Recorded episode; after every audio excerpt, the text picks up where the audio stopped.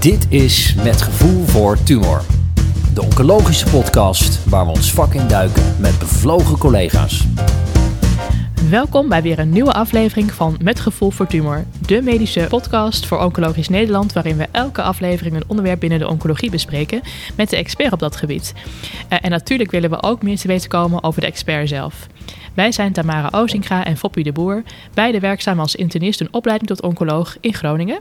Vandaag gaan we het hebben over een niche binnen de oncologie, namelijk de hoofd-halstumoren. En dan met name de plavezelcelcarcinomen van het hoofd-halsgebied. Um, en ook nog een kleine bijzondere groep hier binnen, namelijk de nasopharynxcarcinomen. En hiervoor spreken we vandaag met Sjoukje Oosting. Zij is internist-oncoloog in het UMC Groningen en zij heeft heel veel gevoel voor de hoofd-halstumor. Welkom Sjoukje. Dankjewel. Uh, Sjoukje, we mochten van tevoren jouw indrukwekkende cv uh, bekijken van maar liefst 17 pagina's. Hebben we even uh, opgeteld. Ja. Uh, je hebt in Groningen gestudeerd, uh, zagen we. Uh, ben je ook in het noorden opgegroeid? Ja, dat klopt. Ik ben in het noorden opgegroeid en ehm, ik heb een poos in Zwolle gewerkt als anios en later daar ook in opleiding gekomen. en hier in Groningen gestudeerd en daarna weer teruggekomen voor de, het aandachtsgebied. Ja. Mm -hmm. En wat we ook opviel, wat ons opviel in ieder geval, is dat je ook twee keer in Engeland uh, bent geweest voor een uh, stage, was het volgens mij beide keren. Hoe was dat om een keer uh, te kijken in een ander ziekenhuis? Ja, ja, ik ben één keer in Engeland geweest en één keer in Toronto. Um, in Engeland heb ik een stage palliatieve zorg gedaan, nadat ik klaar was als basisarts. Want dat um, ja, zit verder niet in onze opleiding en ik vond dat zelf wel heel belangrijk en interessant om mee te maken, want daar is het echt een medisch specialisme. Um, dus daar heb ik toen 3,5 maand uh, in uh, St. Nicholas Hospice in, uh, gewerkt, vlakbij Cambridge is dat. En um, in Toronto ben ik in 2014 geweest. Nadat ik mijn promotie had afgerond, heb ik drieënhalve maand in het Princess Margaret Cancer Center gewerkt. Juist om meer over nasopharynxcarcinoom te leren, wat daar veel meer voorkomt dan hier in Nederland. Oké, interessant. En wist je dan ook al tijdens je studie dat je oncoloog wilde worden? Wist je dat al? Uh, nee, ik heb heel lang gedacht dat ik huisarts zou worden. Um, en uh, toen um, uh, met de kooschappen ja, vond ik de interne geneeskunde toch wel heel erg leuk. dus daar ook mijn keuzekooschap gedaan en gebleven. Ja. Nou, en nog geen spijt van gehad. Uh, Zeker niet. Neem ik aan. En wat is dan de reden dat je specifiek uh, de hoofd-halstumoren zo leuk vond, dat je daar nog speciaal ook uh, weer voor teruggevlogen bent? Ja, het is, inmiddels is het er echt wel um, tumortype geworden waar ik veel mee heb. Um, juist nou, die zeldzame varianten vind ik interessant. Um, de patiëntencategorie is natuurlijk heel bijzonder. Dat ligt mij wel om daar uh, mee om te gaan. Um, en uh, toen ik uh, begon als uh, staflid hier, was het, ja, kwam het hoofdhals, ehm, de, de hoofdhalstumoren kwamen vrij als aandachtsgebied, omdat er iemand vertrok die dat deed. Dus kwam eigenlijk op de reden pad. dat ik daarin ja. gerold ben. Ja, ja hartstikke leuk. Jacques, je doet ook veel onderzoek en je hebt ook tijdens de COVID-pandemie niet stilgezeten. Um, uh, en toen heb je ook onderzoek gedaan naar uh, vaccinatie uh, bij patiënten met, met, met kanker die ook behandeling kregen met chemotherapie en immuuntherapie. daar ook mooie publicatie van gemaakt en ook dat gepresenteerd op de ESMO. Kun je daar nog wat over vertellen? Ja, dat is een uh, onderzoek in drie ziekenhuizen geweest. Het uh, AVL en het Erasmus MC in Rotterdam hebben ook meegedaan. Um, ja, we hebben dat onderzoek opgestart op het moment dat de vaccins nog niet geregistreerd waren. Um, maar toen wisten we al wel dat in de um, registratiestudies geen patiënten zaten die voor kanker behandeld werden. En dat het leek ons heel belangrijk om te weten of patiënten tijdens een behandeling wel dezelfde mate van bescherming zouden opbouwen. Um, dus daarom hebben we dat um, onderzoek opgezet. Hebben we mensen in de drie ziekenhuizen twee keer gevaccineerd. Um, en uh, bloed geprikt om daarin antistoffen uh, tegen het coronavirus uh, te meten. En ook naar T-celresponsen te kijken. En dat hebben we een half jaar later nog een keer gedaan. En de groep die onvoldoende had gereageerd, hebben we ook nog een derde vaccin gegeven en naar het effect daarvan gekeken. En wat waren de belangrijkste uitkomsten? Wat kunnen we meenemen naar de praktijk? Ja, eigenlijk um, uh, is het een uh, studie die ons uh, positief verrast heeft. Want um, er is een, maar een hele kleine groep die onvoldoende respondeert. En dan moet je denken aan ongeveer 16% van de patiënten die tijdens chemotherapie gevaccineerd wordt. Um, en 7% tijdens immunotherapie. Um, en dat is dan, um, ja, als je een, uh, boven een bepaalde grens uh, met je antistoffen uitkomt. Bijna iedereen maakt wel een, een bepaalde concentratie antistoffen aan. Dat is ook niet inferieur aan uh, een controlegroep die we ook hebben meegenomen. Dus um, ja, in tegenstelling tot mensen met hematologische maligniteiten en transplantatiepatiënten, valt het mee bij de solide tumoren. Ja. Oh, het is mooi om te horen. Ja. En, uh, ja, het was een hartstikke mooi verhaal ook wat je vertelde toen uh, op de ESMO.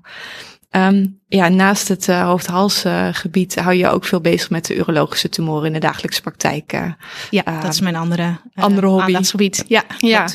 Nou, we willen vandaag, ja, we willen beginnen met, met de plaveisselceltumoren. Dat is toch de grootste groep van de hoofd-halstumoren die voorkomt. Um, en voordat we daarop induiken, um, willen we nog ja, heel in het algemeen uh, aan je vragen. Uh, ja, wat voor hoofd-halstumoren komen er allemaal voor in het hoofd-halsgebied? En uh, wat komt het meest voor? Wat komt het minst voor? Ja. Um, ja, dat is eigenlijk een hele verscheidenheid aan tumoren, waarbij we uh, onder de hoofdhalscarcinomen eigenlijk toch met name uh, de plaveisselcelcarcinomen verstaan. Dat, dat is de overgrote meerderheid. Je hebt natuurlijk ook wel sarcomen in het hoofdhalsgebied en melanoma, die beschouwen we er eigenlijk daar niet onder. Um, en als je dan kijkt naar de grote groepen, dan uh, is het met name uh, orofarinxcarcinoom, mondholtetumoren, um, en larynxcarcinoom. Um, dat zijn uh, eigenlijk de, de vier grote groepen binnen die, die. En dan heb je het nasopharynxcarcinoom nog, wat echt een, een ander tumortype is, uh, zoals jullie al aangaven. Ja. ja, we hadden al even op de, naar, op de IKNL-website gekeken naar, naar hoe vaak komt dit nou voor in Nederland. En inderdaad, de plaveisselceltumoren, nou, zijn zo'n 3000 patiënten per jaar. En die nasopharynxtumoren, uh, 70 per jaar. Dus 70, echt een hele ja. kleine groep die waarschijnlijk ook alleen in bepaalde centra behandeld worden. Um, ja, dat is wel leuk, denk ik, om uh, even op in te haken. Want uh, in Nederland zijn uh, hoofdhalstumoren worden sowieso alleen maar in hoofdhalscentra behandeld. dat is echt gecentraliseerde zorg. En dat is ook heel belangrijk, want je, het is um, een, een tumortype waar je ervaring mee moet hebben. ook vooral binnen de radiotherapie en de chirurgie. Um, dus het is belangrijk dat je daar als een ja, multidisciplinair behandelteam veel ervaring in hebt. Dus we hebben acht hoofdhalscentra in Nederland. En nog een aantal preferred partners. En uh, in andere ziekenhuizen vindt dat niet plaats. Nee, dus die worden echt uh, naar specifieke centra ja. toegestuurd. En kan je ook iets zeggen over de, ja, de prognose of de overleving uh, van, uh, van dit type tumor? Wat is nou het meest gunstig om te hebben mocht je toch een hoofdhalstumor ja. krijgen? Um, ja, dat, dan uh, um, zijn het met name de, de lage stadia, denk ik. Daar zit een groot verschil in. Um, en het larynxcarcinoom wordt relatief vaak in een, in een vroeger stadium ontdekt, omdat mensen daar klachten van hebben door heesheid. Ja. Dus daarom heeft dat toch ja, de beste vijfjaarsoverleving van zo'n 60 procent. Um, en hypofarings is eigenlijk het minst gunstige tumor. Daar, daar gaat dat echt naar 25 procent. En binnen het orofarinxcarcinoom heb je twee hele verschillende entiteiten. Um, het uh, um, HPV-geassocieerde uh, orofarinxcarcinoom. Uh, dat heeft een veel gunstigere prognose dan de tumoren die gerelateerd zijn aan alcohol en roken. Ja, en daar komen we straks ook nog op uh, terug bij, ja. de, bij de pathologie. Um, ja, zoals gezegd uh, wilde ik graag beginnen met de grootste groep, dus de plaveisselcelcarcinomen. Um, en uh, ja, we vroegen ons af, wat, wat zijn daar nou de risicofactoren voor? Wanneer ontwikkelt iemand dat nou of kan iedereen het overkomen? Um, nou, er zijn ja, hele duidelijke risicofactoren in de vorm dus van roken en alcoholgebruik. Um, maar er zijn ook uh, mensen die nooit gerookt hebben en toch een hoofdhalstumor ontwikkelen. Dus dat is niet zwart-wit. Um, in hele zeldzame gevallen heb je ook een genetische aanleg. Zoals uh, ja, het Li-Fraumeni-syndroom komt het wel bij voor, van Coni-anemie. Dus als je hele jonge patiënten hebt uh, met een familieanamnese die verdacht is, ja, dan moet je daar toch wel aan denken. Um, maar uh, bij de meeste mensen is het dus uh, inderdaad roken gerelateerd uh, of HPV geassocieerd. En maakt nog uit waar iemand, in welk land iemand opgegroeid is? Of welk werelddeel? Um, nou, ik denk dat dat voor de plaveisselcelcarcinomen niet zoveel uitmaakt. Nasopharynxcarcinoom is een heel groot verschil, daar komen we zo nog wel op. Um, en de, prognose wordt wel bepaald door um, de kwaliteit van de zorg en de, en de ervaring. En uh, goede toegang tot zorg, dat is heel belangrijk. Als je in landen kijkt waar weinig radiotherapiefaciliteiten zijn, um, ja, daar zijn mensen echt veel slechter af. Um, kun je ook nog eens vertellen hoeveel van de uh, patiënten met een of een ja, orofaringskoosnom dan misschien, um, geassocieerd is met uh, HPV-virus in Nederland? Um, dat is op dit moment denk ik niet helemaal duidelijk, want dat, dat is uh, erg in beweging, dat neemt toe. Um, en wij liggen daarin wat achter op, uh, de, uh, op Noord-Amerika. Daar is het ongeveer 80% nu. Ik denk dat wij wel boven de 50% zitten. Maar um, in iets oudere publicaties zie je nog dat Nederland rond de 30% zit. En wereldwijd verschilt dat dus ook heel erg. Um, waarbij de, de trend is dat de roken geassocieerde tumoren afnemen, terwijl de HPV geassocieerde toenemen. En de prognose was beter van de HPV. Ja, als je ja. binnen de HPV geassocieerde tumoren wordt dan nog weer onderscheid gemaakt in low risk en intermediate risk. En dat is gebaseerd op uh, uh, met name uh, die uh, of mensen roken of niet. Als je meer dan 10 pack years hebt, dan kom je in de intermediate groep terecht. Um, bij ook een bepaalde halsklierstadium. Um, en, maar als je de gunstigste groep kijkt, die hebben een driejaars overleving van, uh, van 93 procent. Terwijl ja, de tumoren waar we het net over hadden, hè, die, die hebben dus een vijfjaars overleving van ruim onder de 50 procent. Ja. ja. Uh, nou, we wilden graag uh, de uh, podcast ook een beetje ophangen aan een casus. en we vroegen ons af, stel dat er nou een 50-jarige patiënt bij de KNO-arts komt met keelpijn en heesheid. En het is verdacht voor een hypopharynx-carcinoom. Um, wat is dan de diagnostiek en wat is de route zeg maar, waarmee de KNO-arts dan begint? Ja, dan um, wordt er een scopie gedaan. En vaak ehm, bij de uh, hypofarings- en laringscarcinomen gebeurt dat onder narcose. Um, ze kunnen tegenwoordig ook wel heel veel polyklinisch al. Uh, je moet een uh, goed biopt hebben als je een tumor ziet, uiteraard. Daar wordt de diagnose op gesteld. En er moet imaging plaatsvinden. En voor deze tumoren is dat, um, ja, je kan een MRI of een CT maken. Voor nasofarings is een MRI echt beter. Um, vaak wordt wel alle twee gedaan in, in, in centra. En ook nog een PET-scan als het een wat verder gevorderde tumor is om uh, uh, ja, naar metastasering uh, te kijken en lymfklierstatus. Mm -hmm. En is een PET-scan dan echt beter dan een, gewoon een CT-hals-thorax? CT um, nou, het, het, zijn, het vult elkaar eigenlijk aan. Um, als je uh, ja, meerdere imagingonderzoeken doet, dan is de, de kans dat je uh, fout negatieve of fout positieve hebt, die wordt gewoon kleiner. En ja, dat bepaalt een beetje uh, of dat gedaan wordt, of je daar toegang toe hebt, of het vergoed wordt. In Nederland is dat gelukkig allemaal heel goed geregeld. Dus kunnen we gewoon een PET-scan maken voor hè, de locally advanced tumoren. Maar in landen waar dat niet zo is, kom je ook wel prima uit met een CT of een MRI. En is die PA verkrijgen zowel van de primaire tumor nodig als van de metastase? Of wordt daar ook wel eens, uh, ja, wordt dat ook wel eens voor lief aangenomen als er een, een halsklier op ligt? Van, nou, of wordt er altijd ja, nog in geprikt? Um, niet altijd. En ik denk, het is wel een hele goede vraag. Want je hebt soms natuurlijk ook alleen dat iemand zich met zijn halsklier metastase presenteert. En dat de primaire tumor niet direct duidelijk is. Dan is het eigenlijk heel belangrijk dat iemand eerst naar een KNO-arts gaat om op zoek te gaan naar die primaire tumor. Want daar wil je het biopt van hebben. Als je namelijk uh, een chirurgische incisie of excisie biop doet, dan wordt de prognose slechter. Dus dat moet je niet doen. Um, en waarom is dat? Waarom wordt de prognose dan Ja, slechter? dan verstoor je denk ik toch het lymfedrainagesysteem, waardoor je meer kans hebt op verspreiding en recidive in de hals. Um, wat wel gebeurt is uh, fine needle aspiration om te bewijzen of een, um, een klier pathologisch is of niet. Als de beeldvorming daar niet helemaal duidelijk over is, maakt natuurlijk wel uit of je die moet opnemen in het bestralingsveld waar de hoge dosis terechtkomt.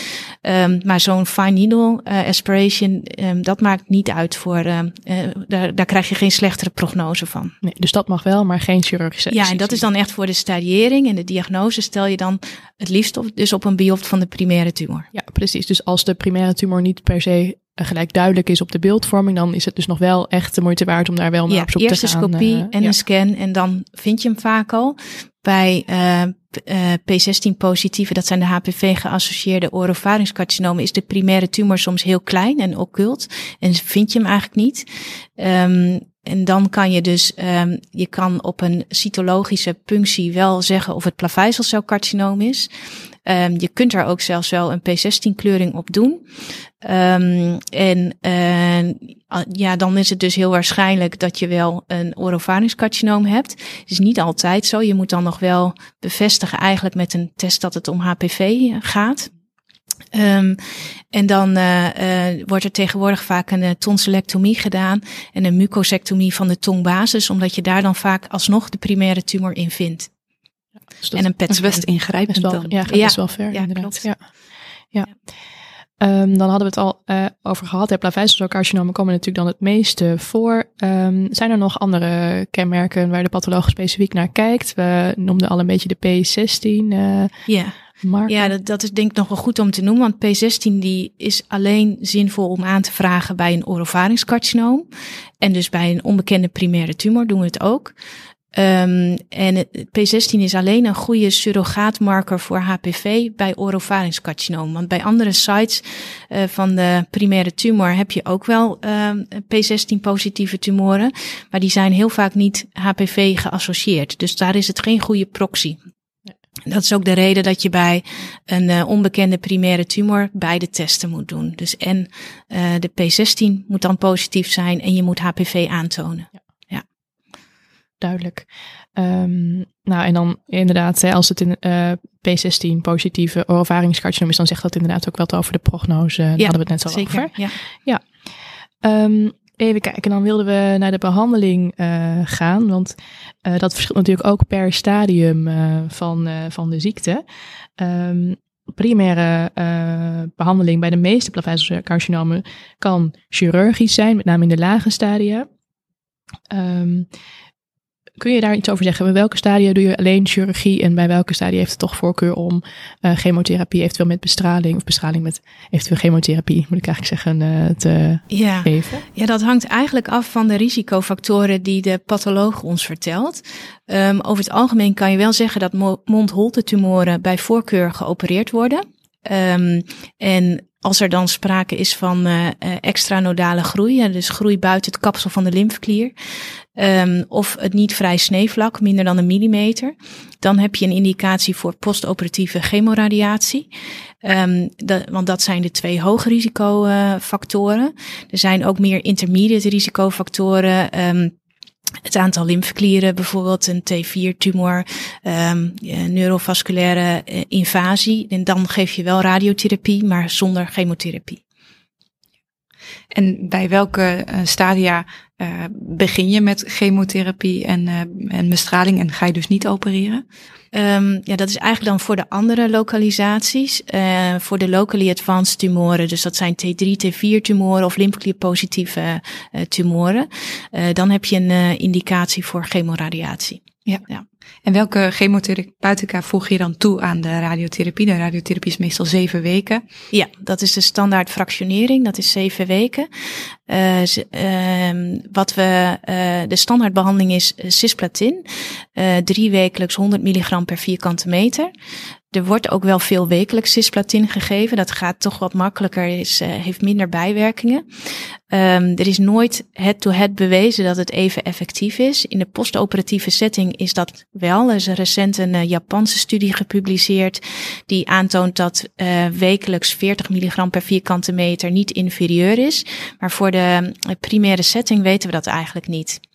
En wat is dan de winst van het toevoegen van de chemotherapie? We hadden bijvoorbeeld de patiënt met het larynxcarcinoom, vijfjaarsoverleving, eh 60% gaf je aan. Ja, ja. En stel deze patiënt krijgt chemoradiatie. Ja, dat, dat, die 60% is dan voor alle stadia bij elkaar. Als je een locally advanced hebt, zit je een stuk minder gunstig. Um, maar wat je ongeveer toevoegt met uh, de chemotherapie aan de bestraling, is een absolute winst van ongeveer 6%. Dus dat is niet zo heel veel. Vijf jaar. Ja. Op de vijfjaarsoverleving, ja. En maakt het ook nog uit uh, uh, of je nou met fotonen of protonen uh, bestraalt? Um, eigenlijk is daar nog geen goede vergelijkende studie van. Op basis van ja, de modellen die daarvoor zijn, zijn daar wel sterke aanwijzingen voor. Het maakt wel uit um, waar de primaire tumor zich bevindt um, en wat je kan sparen. Maar, met protonen spaar je toch een deel van het gezonde weefsel veel beter dan met fotonen. Um, waar uh, in ons uh, centrum met name de protonen uh, gegeven worden. Dat zijn eigenlijk aan bijna alle nasovaringscarcinomen en aan een groot deel van de patiënten met een orovaringscarcinoom. En uh, dat wordt gedaan op basis van vergelijking van bestralingsplannen. Er wordt een fotonenplan gemaakt en een protonenplan. En als uit de predictiemodellen dan blijkt dat er een winst boven een bepaalde grens is in, in dysfagie onder andere, uh, dan kwalificeren patiënten voor protonen. Ja. ja. En stel, uh, je hebt een patiënt uh, die geen cisplatin kan krijgen vanwege bijvoorbeeld nierfunctiestoornissen of vanwege gehoorschade. Uh, kunnen ze dan alleen bestraald worden of is er dan nog een alternatief mogelijk? Um, je kan ook uh, carboplatin met 5FU geven. Uh, daar, is, daar zijn minder studies mee gedaan, dus dat bewijs is minder sterk. Maar uh, er is een Franse studie waarin ook 6,5% winst wordt gevonden op de overleving.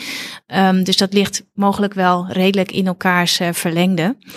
Um, dus dat is een overweging als iemand verder fit genoeg is, maar gehoorschade al heeft. Um, verder de, de andere standaardbehandeling die er is, is cetuximab, de uh, EGFR-antilichaam. Um, daar is uh, één gerandomiseerde fase 3 studie mee gedaan, die ook een duidelijke overall survival winst liet zien.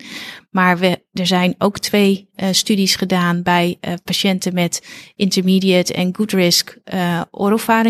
Dus eigenlijk de beste groep waarvan ze dachten, daar kunnen we de behandeling deescaleren, want die hebben zo'n goede prognose. Um, en dan verwachten we dat cetuximab er even goed uitkomt, maar minder toxisch is. En beide studies lieten een betere overleving zien in de controlearm met Um, dus dat is belangrijk, uh, dat, uh, dat je niet zomaar cisplatin vervangt uh, door cetuximab. Want dat is toch echt in die groep zeker inferieur. En de toxiciteit was opvallend genoeg ook niet minder. Even kijken, bij uh, gaan we nog even terug, want dan hebben we ook nog de larynxcarcinomen, T4 uh, larynxcarcinoom en de T3, T4 uh, mondholtcarcinomen. Daar hadden we het al even over gehad, hè, dat primaire operatieve behandeling in principe de voorkeur heeft, eigenlijk de, de ja, primaire optie is. Um, wordt er nou eigenlijk vaak van afgezien, omdat dat toch wel misschien vaak ook mutilerende operaties zijn, kan ik me zo voorstellen. En wat heeft dat dan voor effect op de um, op de overleving. Als je daar dan dus niet primair opereert, maar chemotherapie Chemo, en bestraling, geeft. Ja. Ja. Uh, ja, dat is wel echt inferieur voor mondholte tumoren. Um, dus daar is echt. Uh, um, uh, proberen we patiënten te counselen dat ze primair chirurgie krijgen. Af en toe heb je mensen die dat om een of andere reden niet zien zitten. En dan is chemoradiatie een, een tweede keus. Um, er kan tegenwoordig wel heel erg veel met reconstructie uh, in dat gebied. Um, dus chirurgisch is het heel vaak wel mogelijk, ook bij grote T4-tumoren die doorgegroeid zijn. Dan wordt er um, uh, uh, een stuk van de fibula bijvoorbeeld ge gebruikt voor reconstructie. Um, met ook ja, implantaten, waardoor er weer een uh, kunstgebied uh, geplaatst kan worden. Daar kunnen ze tegenwoordig uh, heel veel mee doen. Maar het zijn inderdaad ingrijpende operaties. Ja, dat is zo. En voor het larynxcarcinoom, dat is een hele andere situatie. Um, die kun je vaak ook goed opereren, maar dan moet je een totale larynxextirpatie doen. Dat betekent natuurlijk dat mensen niet hun eigen stem meer hebben en uh, met een button moeten spreken. Dus dat is behoorlijk ingrijpend. Um, voor larynxcarcinoom uh, geven we daarom chemoradiatie ook voor orgaanpreservatie. Mm -hmm. Dus dan is de prognose niet beter met chemoradiatie, maar heb je uh, een goede kans dat de larynx in situ kan blijven en ook functioneel blijft. Maar dan moet je natuurlijk wel een functionele larynx hebben bij start. Als iemand al niet meer goed kan slikken, niet meer goed kan spreken, um, als de tumor door het larynxskelet heen groeit, um, ja, dan heb je eigenlijk geen functie meer om te sparen. En dan is een TLE wel de eerste keus. Ja, precies. Dan heeft het geen zin om te gaan voorbehandelen nee, met uh, nee, dus niks te sparen. Nee. nee. Oké. Okay. Um, dan hadden we, zouden we ook nog graag willen bespreken. Want stel dat die patiënt die op de poli van de KNO-arts komt, nu niet 50 jaar is, maar bijvoorbeeld 70 jaar of misschien wel 75 jaar. Um, en uh, heeft dat wat hogere stadium. Dus hij zou met uh, chemotherapie en bestraling in principe uh, uit moeten komen. Zijn er dan nog speciale overwegingen die je dan meeneemt voor deze wat oudere man vaak. Uh, ja, ja, meestal man, 80 procent inderdaad. Ja, um, ja uh, dat is een hele goede vraag. Want um, voor de patiënten boven de 70 jaar is uit de meta-analyse gebleken dat die eigenlijk geen voordeel hebben van het toevoegen van chemotherapie ten opzichte van bestraling alleen. Er zijn er ook wel weer retrospectieve analyses die laten zien dat als je goed selecteert en fitte mensen, um, oudere mensen, dat die eigenlijk wel uh, ook een vergelijkbare winst hebben van chemoradiatie. Uh, dus dat wordt uh, wereldwijd heel verschillend gedaan. Er zijn ook landen waar ze oudere mensen juist cetuximab met radiotherapie geven. Maar als je naar de subgroepanalyse in die studie kijkt, dan heeft die groep nou net een hersenratio die aan de verkeerde kant valt. Hmm. Dus dat is ook niet zo heel logisch. Um, Eigenlijk weten we het dus niet zo goed voor oudere mensen. En er zijn ziekenhuizen waar dus uh, op basis van de meta-analyse patiënten boven de 70 met radiotherapie alleen worden behandeld. En er zijn ook ziekenhuizen waar ze um, uh, vaak wel dan wel een aangepast uh, chemotherapie schema geven met nou, wekelijks cisplatin of carboplatin of een ander schema. Ja, dus dan wel aange, toch wel aangepast. Uh, ja, vaak is, is die drie keer 100 cisplatin boven de 70. Dat is uh, ja, een heel zwaar schema. Waarbij je veel um, uh, nierfunctiestoornissen ziet, gehoorsverlies. Dat, dat is echt. uh, ja, en, en tussentijdse problemen met dehydratie. Dat, dat valt echt niet mee. Nee. Het is een interessant tumortype nou, qua behandeling om te bespreken. Er zijn veel uh, dilemma's, denk ik, die je in de, in de behandelkamer bespreekt. Zowel ja. wel niet opereren, mutilerende ingrepen. Ja, uh, en dan ook de comorbiditeit nog. Want ja. dit zijn mensen die uh, toch vaak ook cardiovasculair lijden hebben door het roken. Um, ja, en andere comorbiditeit, soms ook cognitief uh, beschadigd zijn door uh, langdurig alcoholgebruik en niet goed voor zichzelf kunnen zorgen, waar een heel netwerk omheen gebouwd moet worden om ze goed door de behandeling heen te krijgen. Dus is inderdaad een uitdagende groep. Ja. Nou, dan wilden we nu overgaan naar de gemetastaseerde setting. Um, ja, en de, nou, onze man is weer 50 geworden. Um, hij, uh, hij blijkt ook pijn in zijn been te hebben. En uh, op de scan uh, worden dan ook botmetastasen gezien. En de patiënt komt bij de, bij de internist-oncoloog terecht en blijkt gemetastaseerde ziekte te hebben. Um, ja, wat, hoe dan verder? Wat, wat vraag je de patholoog nog bijzonderheden? Of ga je, nou, je doet natuurlijk je scan opnieuw. Wat zijn de opties? Ja, dat hangt uh, denk ik van de uitbreiding af. Was onze meneer al voor zijn primaire tumor behandeld of meldt hij zich nu primair gemetastaseerd? Hij, hij is al een keer behandeld uh, hij met is al. Ja. Uh, ja. Hij ontwikkelt uh, metastase in de follow-up. Ja, precies. Okay. En lokaal worden er geen afwijkingen gezien. Nee, nee. oké. Okay.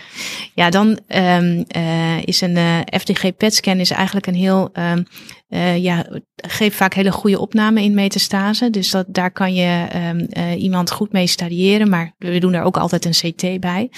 En dan, um, als het heel beperkt is, een soort oligometastase met een lang interval, dan kan je proberen om die bijvoorbeeld lokaal te bestralen met een hoge dosis. Uh, stereotactic body radiotherapy noemen ze dat. Waar, waarmee iemand dan weer een tijd uit de problemen kan zijn. En dat zie je met name wel bij die HPV-geassocieerde orovaringscarcinomen. Dat er juist na langere tijd één of twee metastasen ontstaan die je dan um, lokaal kan behandelen. Vaak komt er wel weer één. En uiteindelijk kom je aan systeemtherapie toe.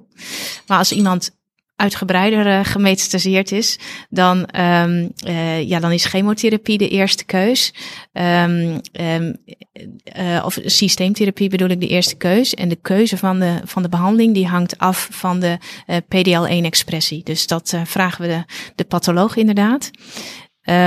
En dat er wordt een onderscheid gemaakt in uh, geen PDL1-expressie, meer dan één combined positive score of meer dan 20. Um, en uh, in uh, Europa uh, is voor de PDL1 negatieve de immunotherapie niet geregistreerd. Dus die groep behandelen we met chemotherapie in combinatie met cetuximab, het extreme schema. dus dat is cisplatin of carboplatin met 5FU en cetuximab. Extreem schema dus. Ja. Een extreem schema inderdaad. En de zes kuren chemotherapie en dan door met onderhoudsbehandeling cetuximab. En patiënten die wel PDL1-expressie hebben, daar heb je eigenlijk twee opties. Daar kan je uh, pembrolizumab alleen uh, geven of in combinatie met chemotherapie. Um, en uh, want die combinatie is in die groep beter dan um, de, het extreme schema. En um, waar je dan voor de keuze op kan letten, is dat hè, hoe hoger de PDL1-expressie, hoe meer baat je hebt van de pembrolizumab als, als monotherapie ook.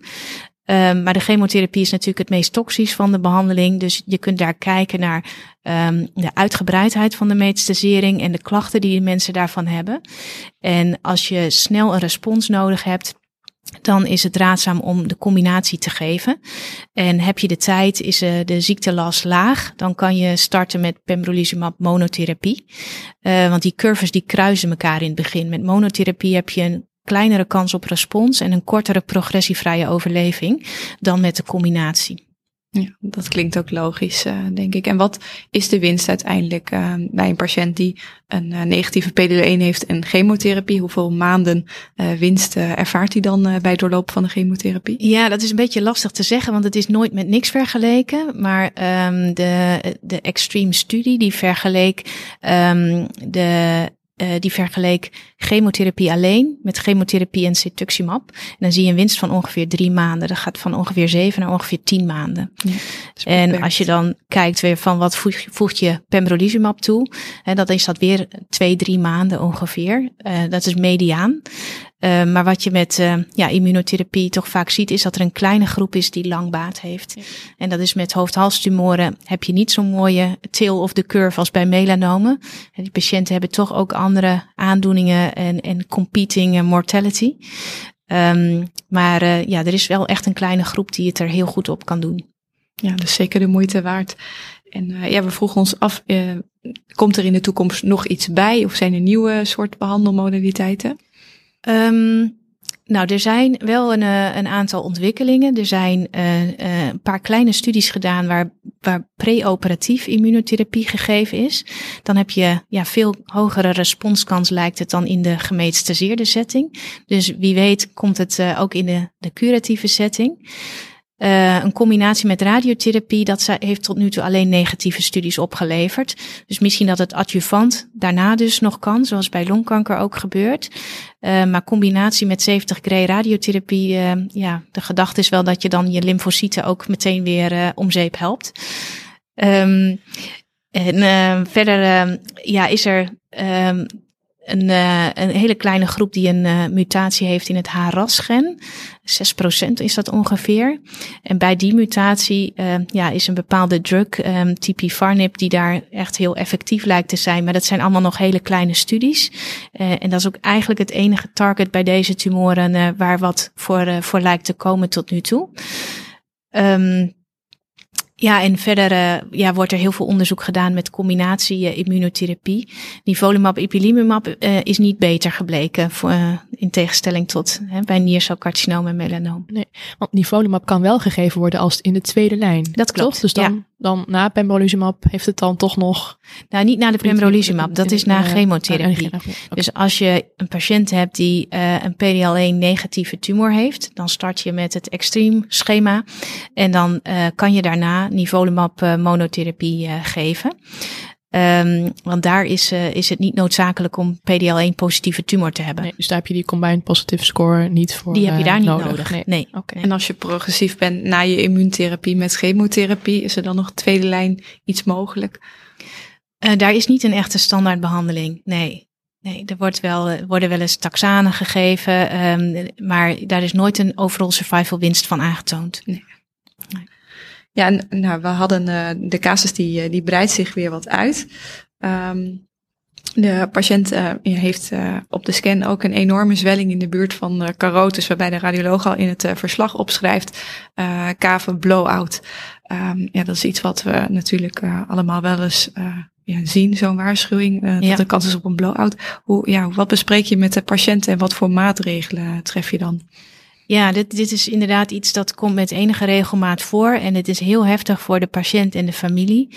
Uh, we bespreken dat wel. Uh, want als je een carotis blowout krijgt, dan ja, krijg je een, een uh, arteriële bloeding. en ja, overlijdt de patiënt eigenlijk ter plekke met een heleboel bloed. En een, ja, dat is voor de familie afschuwelijk om mee te maken.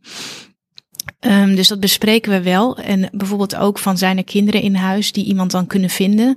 Hoe zorg je dan dat, dat, dat die kinderen niet als eerste thuiskomen en de deur open doen? Um, we adviseren mensen om donker beddengoed op bed te hebben, donkere handdoeken bij de hand te houden. Dat ziet er uh, ja, een stuk minder erg uit dan dat een witte uh, omgeving ineens helemaal rood wordt. En we geven mensen vaak uh, midazolam neusspray mee.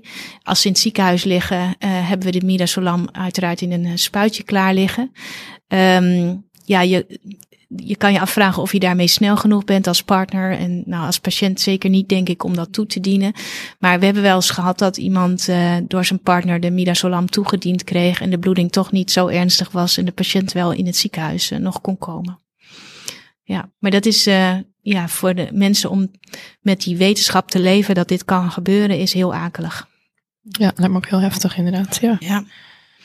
Ja, we hebben volgens mij nu alle eh, aspecten van de, in het algemeen van de plaveisselceltumoren uh, besproken. En uh, je wilde dus nog een uitstapje maken naar het nasovaringscarcinoom. Zoals gezegd, komt veel minder vaak voor, maar 70 per jaar. Maar wel een, een interessant subtype. Um, we hadden ook weer een, een casus daarvoor. Um, patiënten met, uh, met slikklachten en een zwelling in de hals. Um, ja, de, we hebben net al de route besproken, hè, de, de beeldvorming en de scopie verkrijgen van de PA. zijn er nog andere klachten waarmee een patiënt zich vaak presenteert bij een nasopharynxcarcinoom, anders dan de algemene hoofdhalstumoren? Ja, uh, dat is wel een beetje anders inderdaad. Je zou niet zo snel slikklachten verwachten. Dan moet de tumor al echt vrij naar distaal zijn uitgebreid. Um, een verstopte neus, bloedneus. Um, en uh, gehoorsverlies. De, de tuba zit vaak uh, dicht. Um, en um, uh, als de tumor echt zich ver heeft uitgebreid, kun je hersenzenuwuitval hebben. Dus dat is ook altijd iets uh, waar je bij het lichamelijk onderzoek uh, op moet letten. Ja, dus echt een andere presentatie. Ja, ja. ja. En volgens mij is dit wel een tumortype wat vooral veel in Azië ook voorkomt. Uh, ja, klopt dat? klopt. Ja, in Zuidoost-Azië is het endemisch. Daar is het een van de meest voorkomende tumortypen. Um, en ja, bij ons dus zoals gezegd echt zeldzaam. Noord-Afrika is ook aanzienlijk meer dan hier. Dus het is een hele bijzondere geografische verdeling. En komt dat dan door de voeding die mensen nemen of uh, is dat genetisch bepaald? Uh, beide wel. Um, gezouten vis en geconserveerd voedsel is een risicofactor. En er zijn uh, van dorpen in, in, in China bijvoorbeeld waar ze kinderen als ze net van de borst zijn al gezouten vis uh, geven. dat, ja, en nou verder de belangrijkste ja, risicofactor is, is eigenlijk de EBV. Dat is eigenlijk de, de oorzaak van de meeste nasopharynxcarcinomen, vooral in Azië. Bij ons is dat minder vaak. Um, maar goed, uh, veel mensen hebben een EBV-infectie doorgemaakt en lang niet iedereen ontwikkelt een uh, nasopharynxcarcinoom. Dus het zijn echt die latente infecties uh, die dan ja, aanwezig blijven, die uiteindelijk een maligniteit kunnen veroorzaken. Ja, en er zijn ook wel bepaalde genetische predisposities in de bepaalde HLA-varianten bijvoorbeeld. Ja. Ja, dus uh, nou, de patholoog die, uh, die ziet het beeld passend uh, onder de microscoop bij een nasopharynxcarcinoom. Zet hij automatisch ook de EBV-kleuring dan in of moet hij die apart aanvragen? Um, ja, eigenlijk weten de, de pathologen dat. Als wij um, een verdenking nasopharynxcarcinoom hebben, dan wat je dan doet is dat je de, het EBV-RNA aantoont met de in situ hybridisatie, de EBER heet dat. En die is dan eigenlijk, ja, dat is heel duidelijk positief of niet. Um, maar er zijn verschillende varianten nasopharynxcarcinoom. Um, klassiek de, de, uh, de Aziatische variant die daar nou meer dan 95% van de gevallen uitmaakt. Dat is het ongedifferentieerde, niet keratiniserende uh, carcinoom. Um, en dan heb je ook een niet-keratiniserende gedifferentieerde de eerste is een WHO type 3 en de tweede is WHO type 2. En wat dan hier in het Westen en uh, in, ook in uh, de Verenigde Staten bijvoorbeeld voorkomt, dat zijn de, um, de keratiniserende. De, ja, dat zijn ook echt plavezelcelcarcinomen. Die zijn geassocieerd ook klassiek zo met roken en, en alcoholgebruik. Dus dat zijn de niet-EBV? Nee, de WHO type 1 is inderdaad in als je hier in het westen kijkt, dan is ongeveer de helft is uh, wel uh, uh, EBV geassocieerd, is niet keratiniserend. dat, dat gaat bijna altijd samen met EBV. En de keratiniserende ja, is, is hier in Nederland ietsje minder dan de helft in de laatste periode. En wat is prognostisch gunstiger voor de patiënt? die EBV geassocieerde, ja. ja. Dat, uh, dat maakt veel uit. Hoe zit het dan in Nederland uh, ook nog met de, want komt bijvoorbeeld het HPV-virus uh, ook bij het nasovaringscarcinoom voor? Is dat ja. ook nog mee geassocieerd? Uh, ja, dat, dat, is, uh, uh, dat, dat weten we eigenlijk nog niet zo lang. Maar je hebt ook HPV-positieve uh, nasovaringscarcinomen. Um, hoe vaak dat in het Westen voorkomt, daar, daar zijn eigenlijk nog niet zoveel gegevens over. Um, in Azië is dat ongeveer 7%. En die lijken zelfs een iets betere prognose te hebben dan de EBV-geassocieerde. Ja, precies. Dus dan, dan heeft dat ook nog iets, prognostisch zegt dat dan ook nog iets. Uh, ja, maar je behandelt ze wel uh, allemaal op dezelfde ja, manier. Ja, precies. Dan, dan maakt het dan weer niet zoveel uit. Hey, en um, is er ook nog een plek om bijvoorbeeld het EBV-DNA uh, in plasma, zeg maar, van mensen te bepalen in, in, om te kijken of ze daar dan als screening, als screening inderdaad. Ja, ja. ja. ja dat uh, in, uh, in Azië uh, kan je dat inderdaad doen. Er wordt daar wel, zijn daar onderzoeken naar gedaan van um, hoe sensitief en specifiek dat is. Um, als je twee keer EBV, plasma EBV DNA aantoont, dan heb je meer dan 90% kans op het vinden van een nasopharynxcarcinoom. Um, en uh, alleen, ja, dat, dat, dat is zo in een hoogrisicopopulatie. Dat kan ook alleen maar niet, uh, daar. Dat is een soort screenend onderzoek is hier niet nuttig. Nee. Ja, je kan plasma EBV DNA is ook een belangrijke prognostische factor. Um, de hoogte voor start van een behandeling uh, uh, zegt wat. Maar vooral ook als je na chemoradiatie uh, persisterend EBV-DNA in het plasma vindt, dan is dat ongunstig. Alleen we weten nog niet wat we daar dan uh, aan hebben, behalve dat je die mensen beter in de gaten moet houden. Mm -hmm. uh, maar het heeft nog geen behandelconsequenties. Nee, dus wij meten het hier ook niet uh, standaard. Nee, het lastige is ook nog dat er allerlei verschillende essays gebruikt worden. Um, uh, en dat die niet uh, goed uh, onderling vergeleken zijn.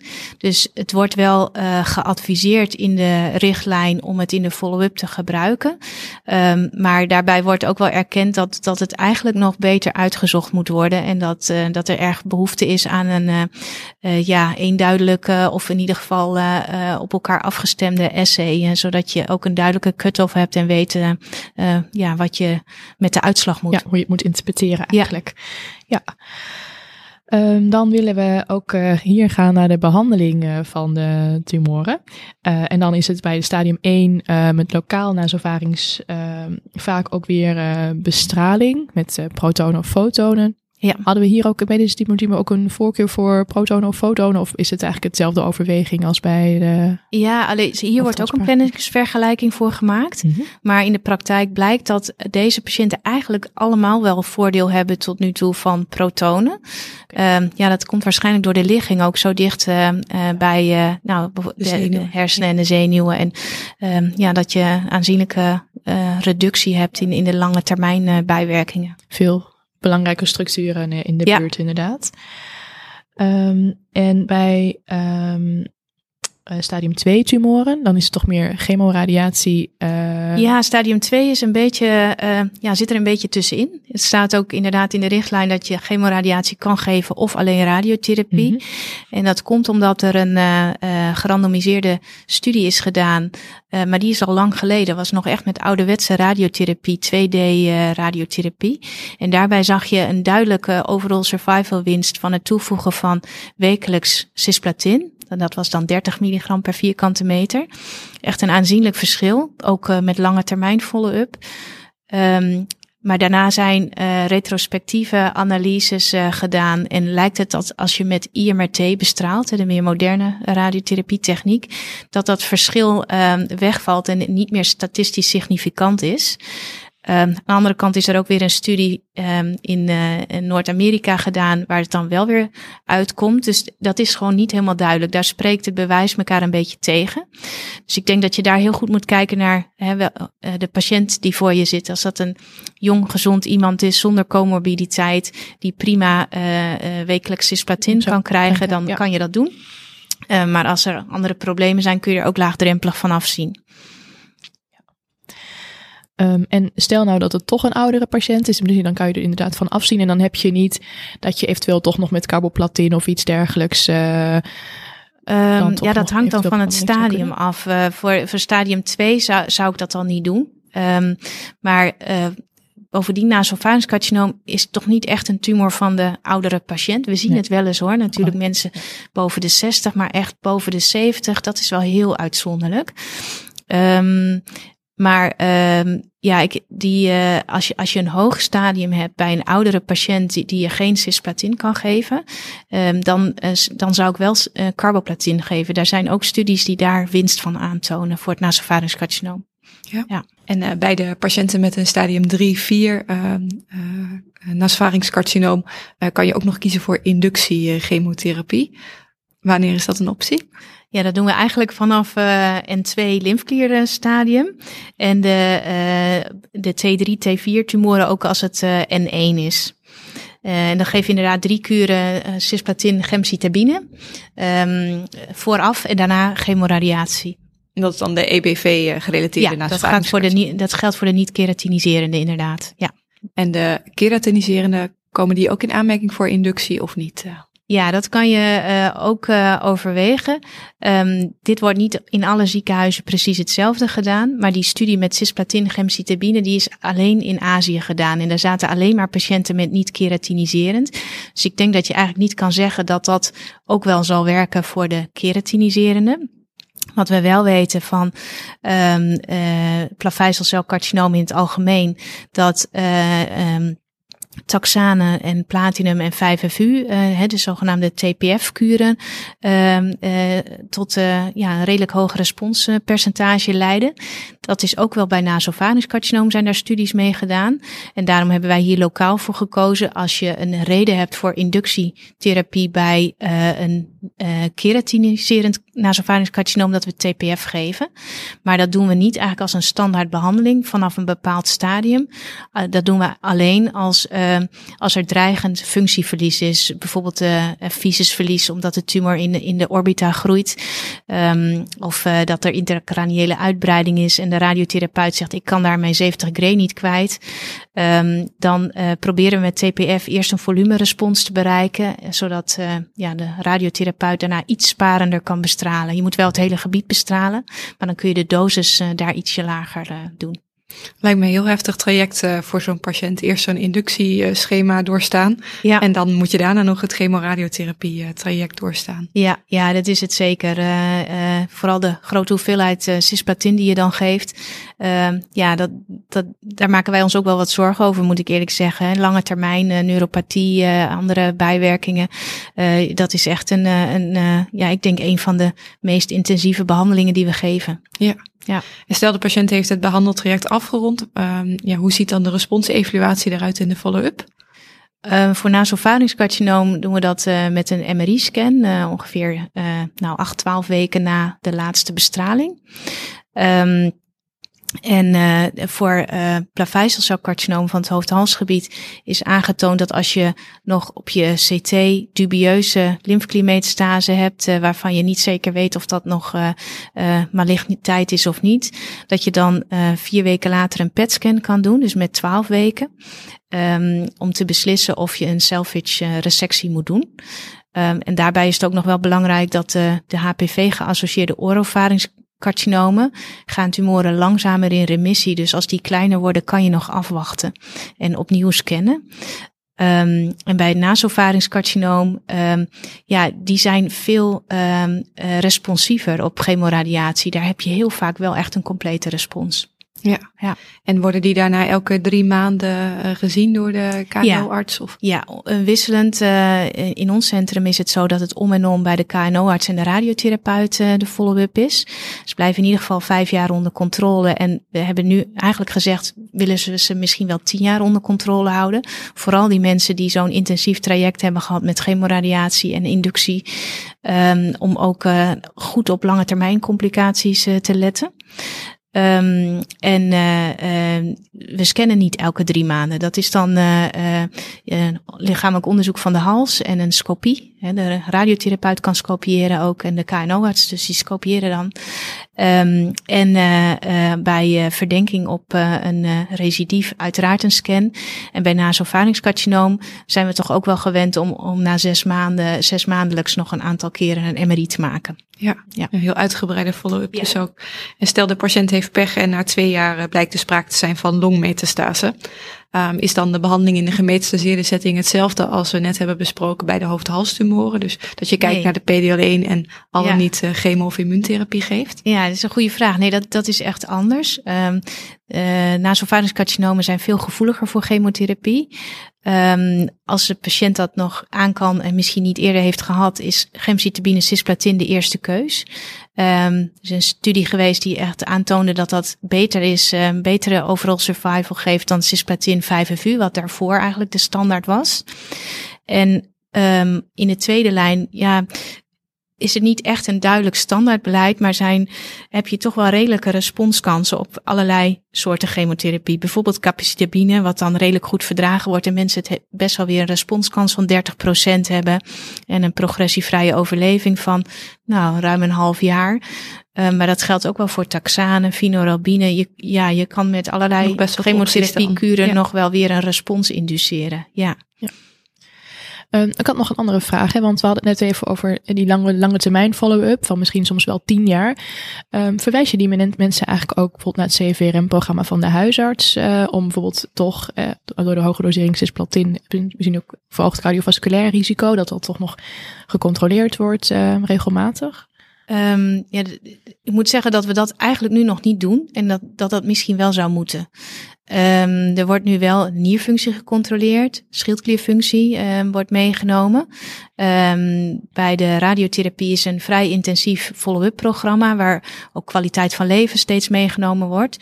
Um, maar dat zou zeker nog beter kunnen, want um, ik, ik denk dat je gelijk hebt. Deze mensen hebben een, uh, een relatief goede prognose uh, en uh, zijn wel at risk door de behandeling die ze gehad hebben op late cardiovasculaire problemen. Ja, het zou natuurlijk zonde zijn als je iemand dan hebt genezen en dan krijgt hij ja. een hartinfarct, wat misschien ook voorkomen had kunnen worden, of niet misschien voorkomen, maar ja. hadden we misschien iets beter op kunnen letten inderdaad. Ja, we zijn um, aan het eind gekomen ja. bij het uh, inhoudelijke deel van uh, de podcast. Uh, heel veel geleerd over hoofd-halstumoren. Ik denk voor iedereen nuttig, want niet iedere arts zal ze wekelijks op het spreekuur zien. Zeker niet. Um, en interessante behandelingen waarbij verschillende specialismen zeker een rol spelen. Quick for.